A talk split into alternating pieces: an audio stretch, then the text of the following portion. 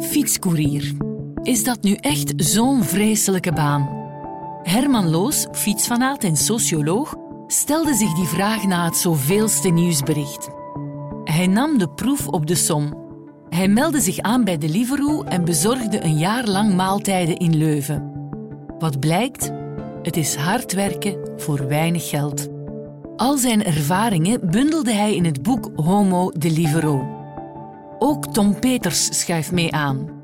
Hij is secretaris bij de Belgische Transportbond en expert in wegvervoer. In deze podcast gaan we dieper in op de problematiek en hopen zo andere couriers een duidelijk beeld te geven over hoe die wereld nu in elkaar zit. En wat kan de vakbond betekenen voor een fietscourier? Welkom bij de BTB-podcast Als je baas een app is.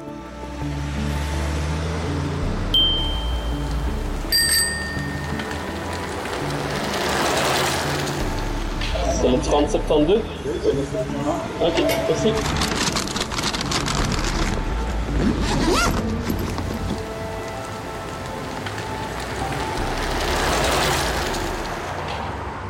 Dag Herman, dag Tom.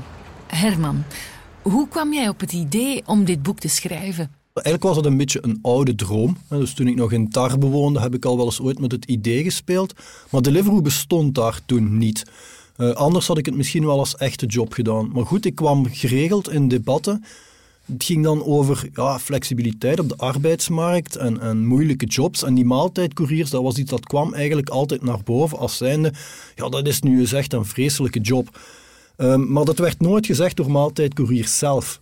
En vandaar dus mijn idee, um, waarom probeer ik dat niet zelf? Uh, ergens een soort van ergernis, omdat, omdat je gewoon merkt dat wanneer het gaat over die bodemjobs en die moeilijke contracten, dan wordt er heel weinig gesproken door de mensen die die contracten hebben zelf. Dus heel vaak over, weinig door.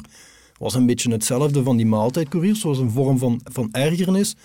Maar ik had daar dus ook wel wat tijd voor. En dus heb ik gedacht, ja, waarom ga ik niet gewoon maaltijdcourier worden? En schrijf ik daar een boek over. En Tom, waarom is de vakbond eigenlijk zo bekommerd om de fietscouriers?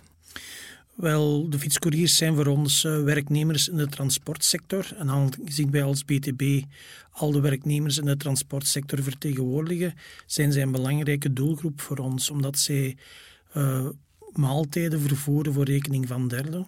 Uh, in de digitalisering uh, van de transportmarkt, die nu al een aantal jaren bezig is, hadden wij heel snel door dat we natuurlijk ook met de platformeconomie in de transportsector aan de slag moesten. Daarom uh, zijn wij toch al een aantal jaren zeer sterk met de fietscouriers en ook de Uber-chauffeurs en andere platformwerkers aan de slag gegaan.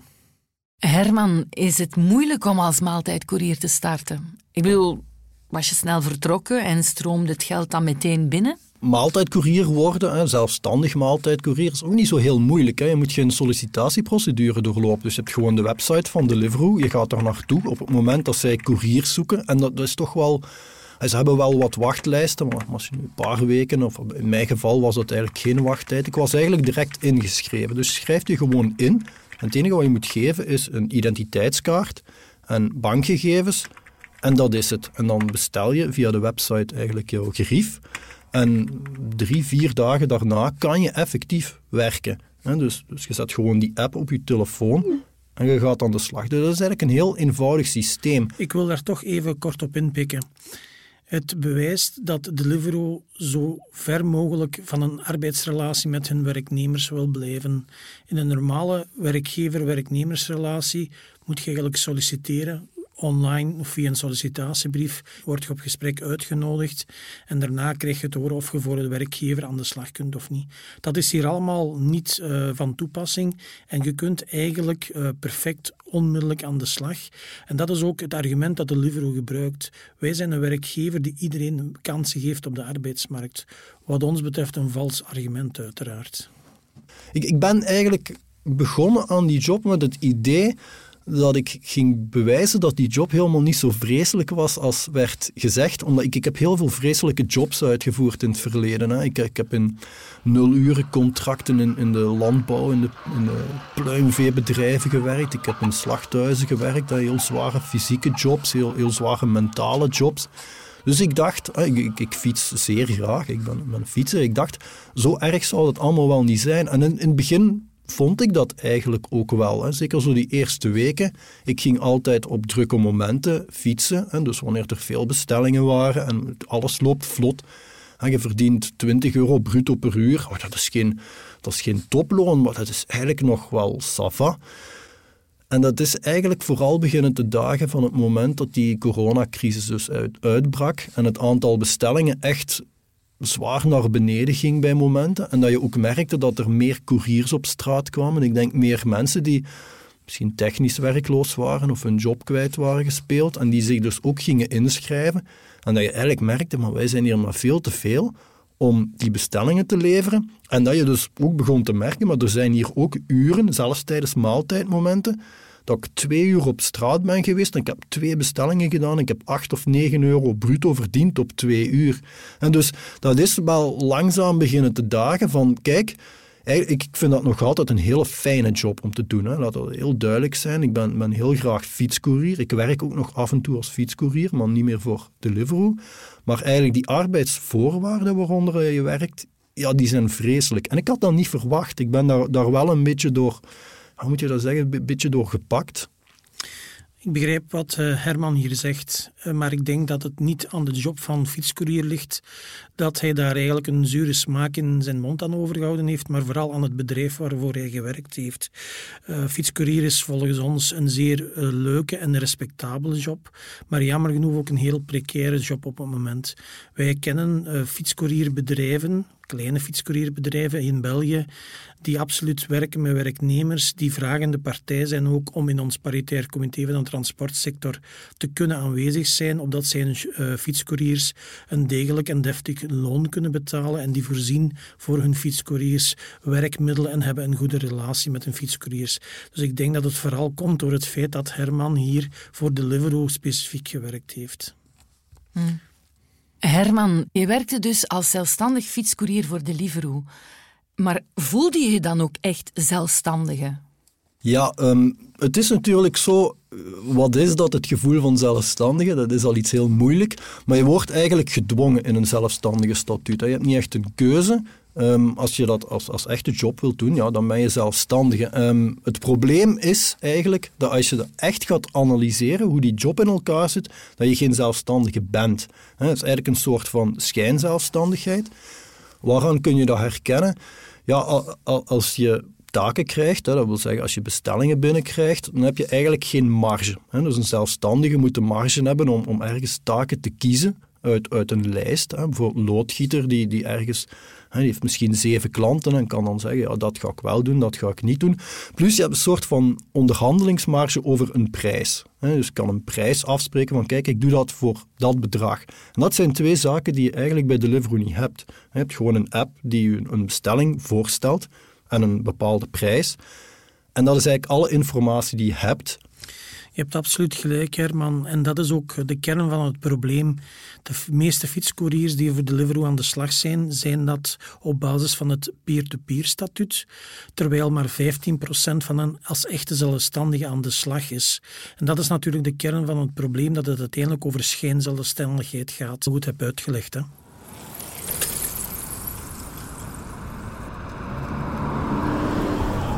Als ik zelfstandige ben, dan zou ik moeten kunnen zeggen, ja kijk, laat ik dan vandaag mijn prijs maar 10% of 15% lager leggen en misschien krijg ik dan sneller bestellingen. Of, of een andere dag, het is een beetje slecht weer, het is koud, de, vrijdagavond, veel bestellingen. Dus je rijdt eigenlijk van de ene bestelling naar de andere. Op zo'n moment zou je als zelfstandige ook moeten kunnen zeggen, ja maar kijk, het is hier druk, ik ga mijn prijs 15% hoger leggen, want nu kan ik verdienen. En die marges heb je dus niet. Dus dat zijn twee elementen van het zelfstandige statuut die je niet hebt. Eigenlijk ben je op, op dat gebied werknemer. Hè. Je hebt gewoon een app die je aanstuurt, die je controleert, die de beslissingen maakt. Dat is natuurlijk uh, makkelijk voor Deliveroo. Hè. Met een app te werken geeft je natuurlijk uh, maar opdrachten voor het leveren van de maaltijden, maar die app bepaalt natuurlijk niet hoe lang je moet wachten en, of je, uh, en hoe lang je geen opdrachten krijgt. En al die tijd die je zit te wachten, al die tijd dat je geen opdrachten krijgt om een levering te doen, is volgens Deliveroo geen arbeidstijd en zal ook niet betaald worden. Vandaar als je met een uurloon zou werken, kun je als werknemer, Europese rechtspraak uh, bevestigt dit trouwens, zou je die wachttijd uh, kunnen opeisen als uurloon, als gewerkte tijd. En dat is hier niet het geval natuurlijk. Nu, als werknemer zou ik een uurloon hebben. En maakt het op, op zich voor mij niet zoveel uit. Is dat nu op twee minuten klaar of is dat op tien minuten klaar? Ik wacht. Maar als zelfstandige ben ik betaald voor, om, om een bestelling af te leveren. En ik krijg niet meer betaald als ik tien minuten langer moet wachten. dus dat is dan een risico dat het werknemersstatuut zou oplossen door een uurloon te hebben. Maar omdat je zelfstandige bent, moet je dan eigenlijk gaan beslissen oké, ik, ga, dat accepteren of ik ga dat weigeren. Dus dat is een van de risico's die eigenlijk in het, in het mandje wordt gelegd uh, van u als zelfstandige. Als je als zelfstandige ziek wordt, ja, dan, dan heb je natuurlijk geen inkomen. Of je vast zo'n beetje op de, op de onderkant van de bijstand, noem ik dat dan. Ja, als, als werknemer ben je beter beschermd. Wat hier duidelijk ziet, uh, is dat Deliveroo eigenlijk aan cherrypicking doet. Ze gebruiken eigenlijk misbruiken uh, een deeltje van beide statuten uh, opdat het, het beste zou uitkomen. Dus ze combineren eigenlijk de voordelen van de twee statuten en de nadelen van de twee statuten, die leggen ze eigenlijk in het mandje van de courier. Dus je hebt geen autonomie over je werk, maar je moet wel je eigen materiaal betalen. Je rijdt met je eigen fiets, met je eigen smartphone, met je eigen fietsgerief met je eigen thermoszak en dergelijke. Dus dat, dat krijg je niet van Deliveroo. Je moet dat zelf bekostigen. En dat nadeel, ja, gecombineerd dan met het nadeel dat je nergens op kunt terugvallen op het moment dat je ziek valt, op het moment dat je een ongeval hebt en dergelijke. Dus eigenlijk klopt dat niet. Hè. Dus die arbeidsvoorwaarden bij Deliveroo en eigenlijk het gebrek aan een statuut, hoe zit dat juist in elkaar? Kun je dat nog eens wat meer uitleggen? Mijn persoonlijke voorkeur gaat eigenlijk naar het werknemersstatuut. Zeker voor die mensen die fulltime bezig zijn. Want dat zijn mensen die nu van half negen, negen s morgens, vaak vrijwel ononderbroken tot negen, tien uur s'avonds ingelogd zijn op die app. Maar, je ziet wel dat daarbij couriers, de, de, de vaste couriers, die vast werken als courier, niet per se zoveel animo voor is zij denken eigenlijk dat ze daar een, heel deel flexibiliteit mee gaan verliezen. En ze zeggen bijvoorbeeld, ik heb daar mails over gehad, eh, naar aanleiding van, van mijn boek, zeggen zij bijvoorbeeld, waarom strijd je eigenlijk voor dat werknemersstatuut en niet gewoon voor een betere verloning per bestelling? Maar ik denk dan, ja, ik denk dat je dan niet goed hebt begrepen wat een zelfstandige statuut is. is goed.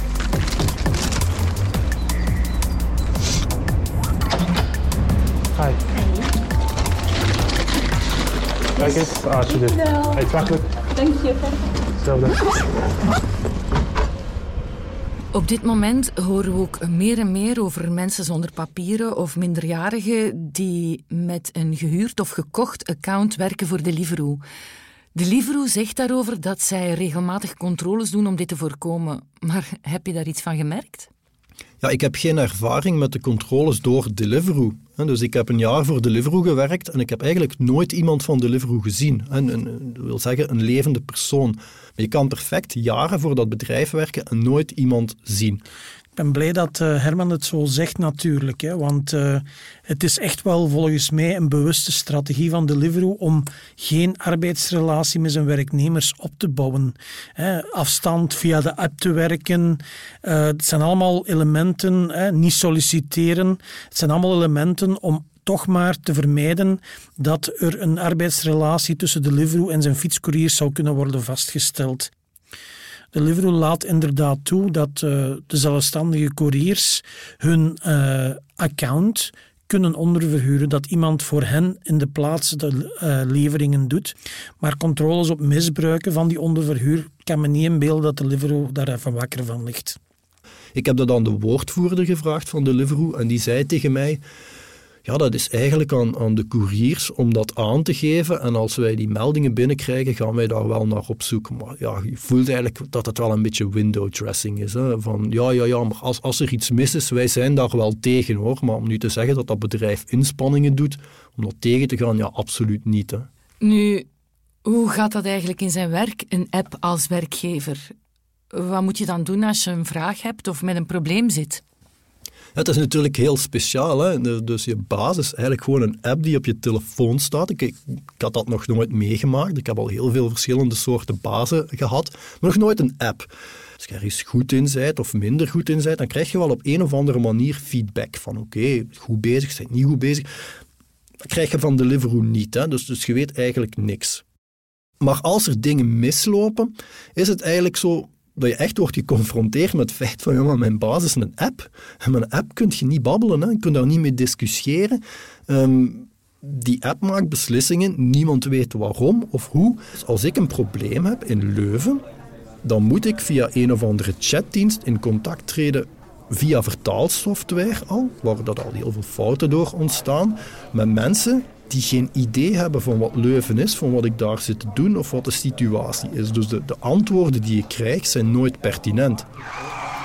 Mensen die zeggen van ja, ik ben gevallen met de fiets, ik had een bestelling bij, ik contacteer die en de eerste vraag is ja, kun je die bestelling nog leveren? Dus ja, je, merkt eigenlijk, um, ja, één, je hebt een app, je kunt daar niet mee discussiëren en dan het deel waar dat je wel mee kan discussiëren, ja, heeft eigenlijk of, ofwel de middelen niet of, uh, of, of de kennis niet om, om echt pertinente antwoorden te geven. Dus op het moment dat er een probleem is, ja, je zit eigenlijk op jezelf aangewezen en, en probeer je plan te trekken. Hè. Ja, je ziet een cynische lach op mijn gezicht misschien, Herman, maar inderdaad, het is eigenlijk triestig dat Deliveroo ook hier zich niks aantrekt van zijn fietscouriers en dat een fietscourier eigenlijk op zichzelf is aangewezen. In een normale arbeidsrelatie zal een werkgever zijn werknemer nooit aan zijn lot overlaten en zorgt hij voor het werknemers. Deliveroo 9944. Voilà, salut. Heel goedemiddag, alsjeblieft. Smakelijk. 8130. Ja, perfect. Ja, inderdaad. Ja. Heel goedemiddag. Voilà, alsjeblieft. Salut. Het is geweten dat fietscouriers argwanend staan tegenover de vakbond. Tom, hoe pakken jullie dat aan? Wij als BTB zijn een vakbond voor de transportsector en per definitie zijn onze leden en onze werknemers in die sector mobiel. Een truckchauffeur, een taxichauffeur, een buschauffeur, maar ook de fietscouriers zijn eigenlijk constant op de baan.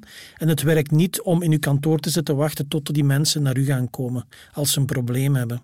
Dus wat hebben wij gedaan? Wij hebben eigenlijk het systeem uitgerold van roadshows, waarbij wij eigenlijk naar die mensen op de baan gaan.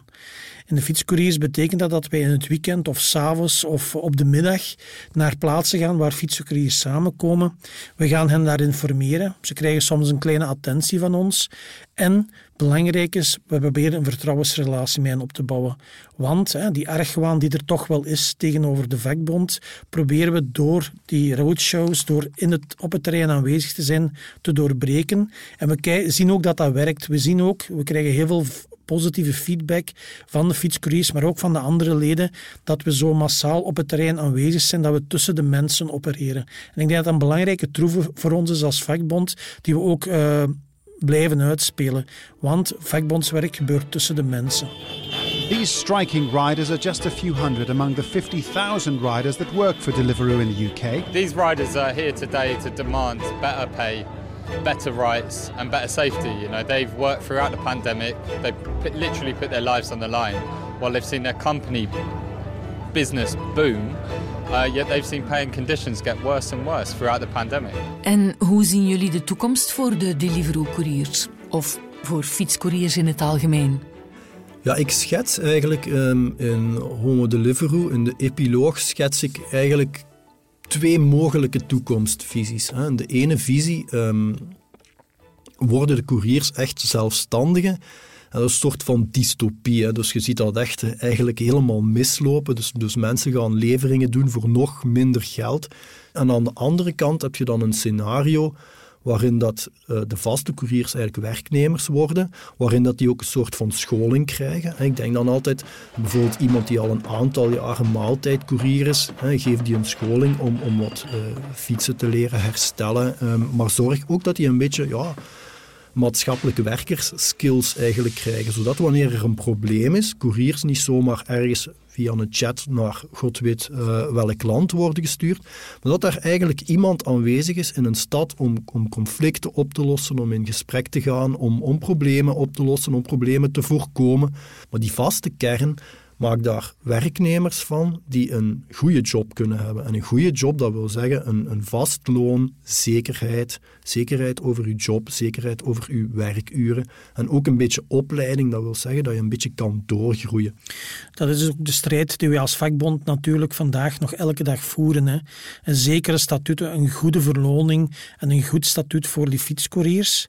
En Herman, je hebt het misschien niet beseft, maar eerder wat je daarnet zei, over diegene die op het terrein de problemen kan oplossen voor zijn collega's. Dat is eigenlijk het perfecte profiel voor een vakbondsafgevaardigde voor die grote couriersbedrijven.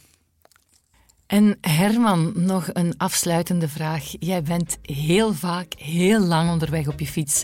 Heb jij een playlist voor onderweg? Um, ik spreek in het, in, het boek uh, over couriers, ik noem dat Rudy's. Um, en dat komt eigenlijk...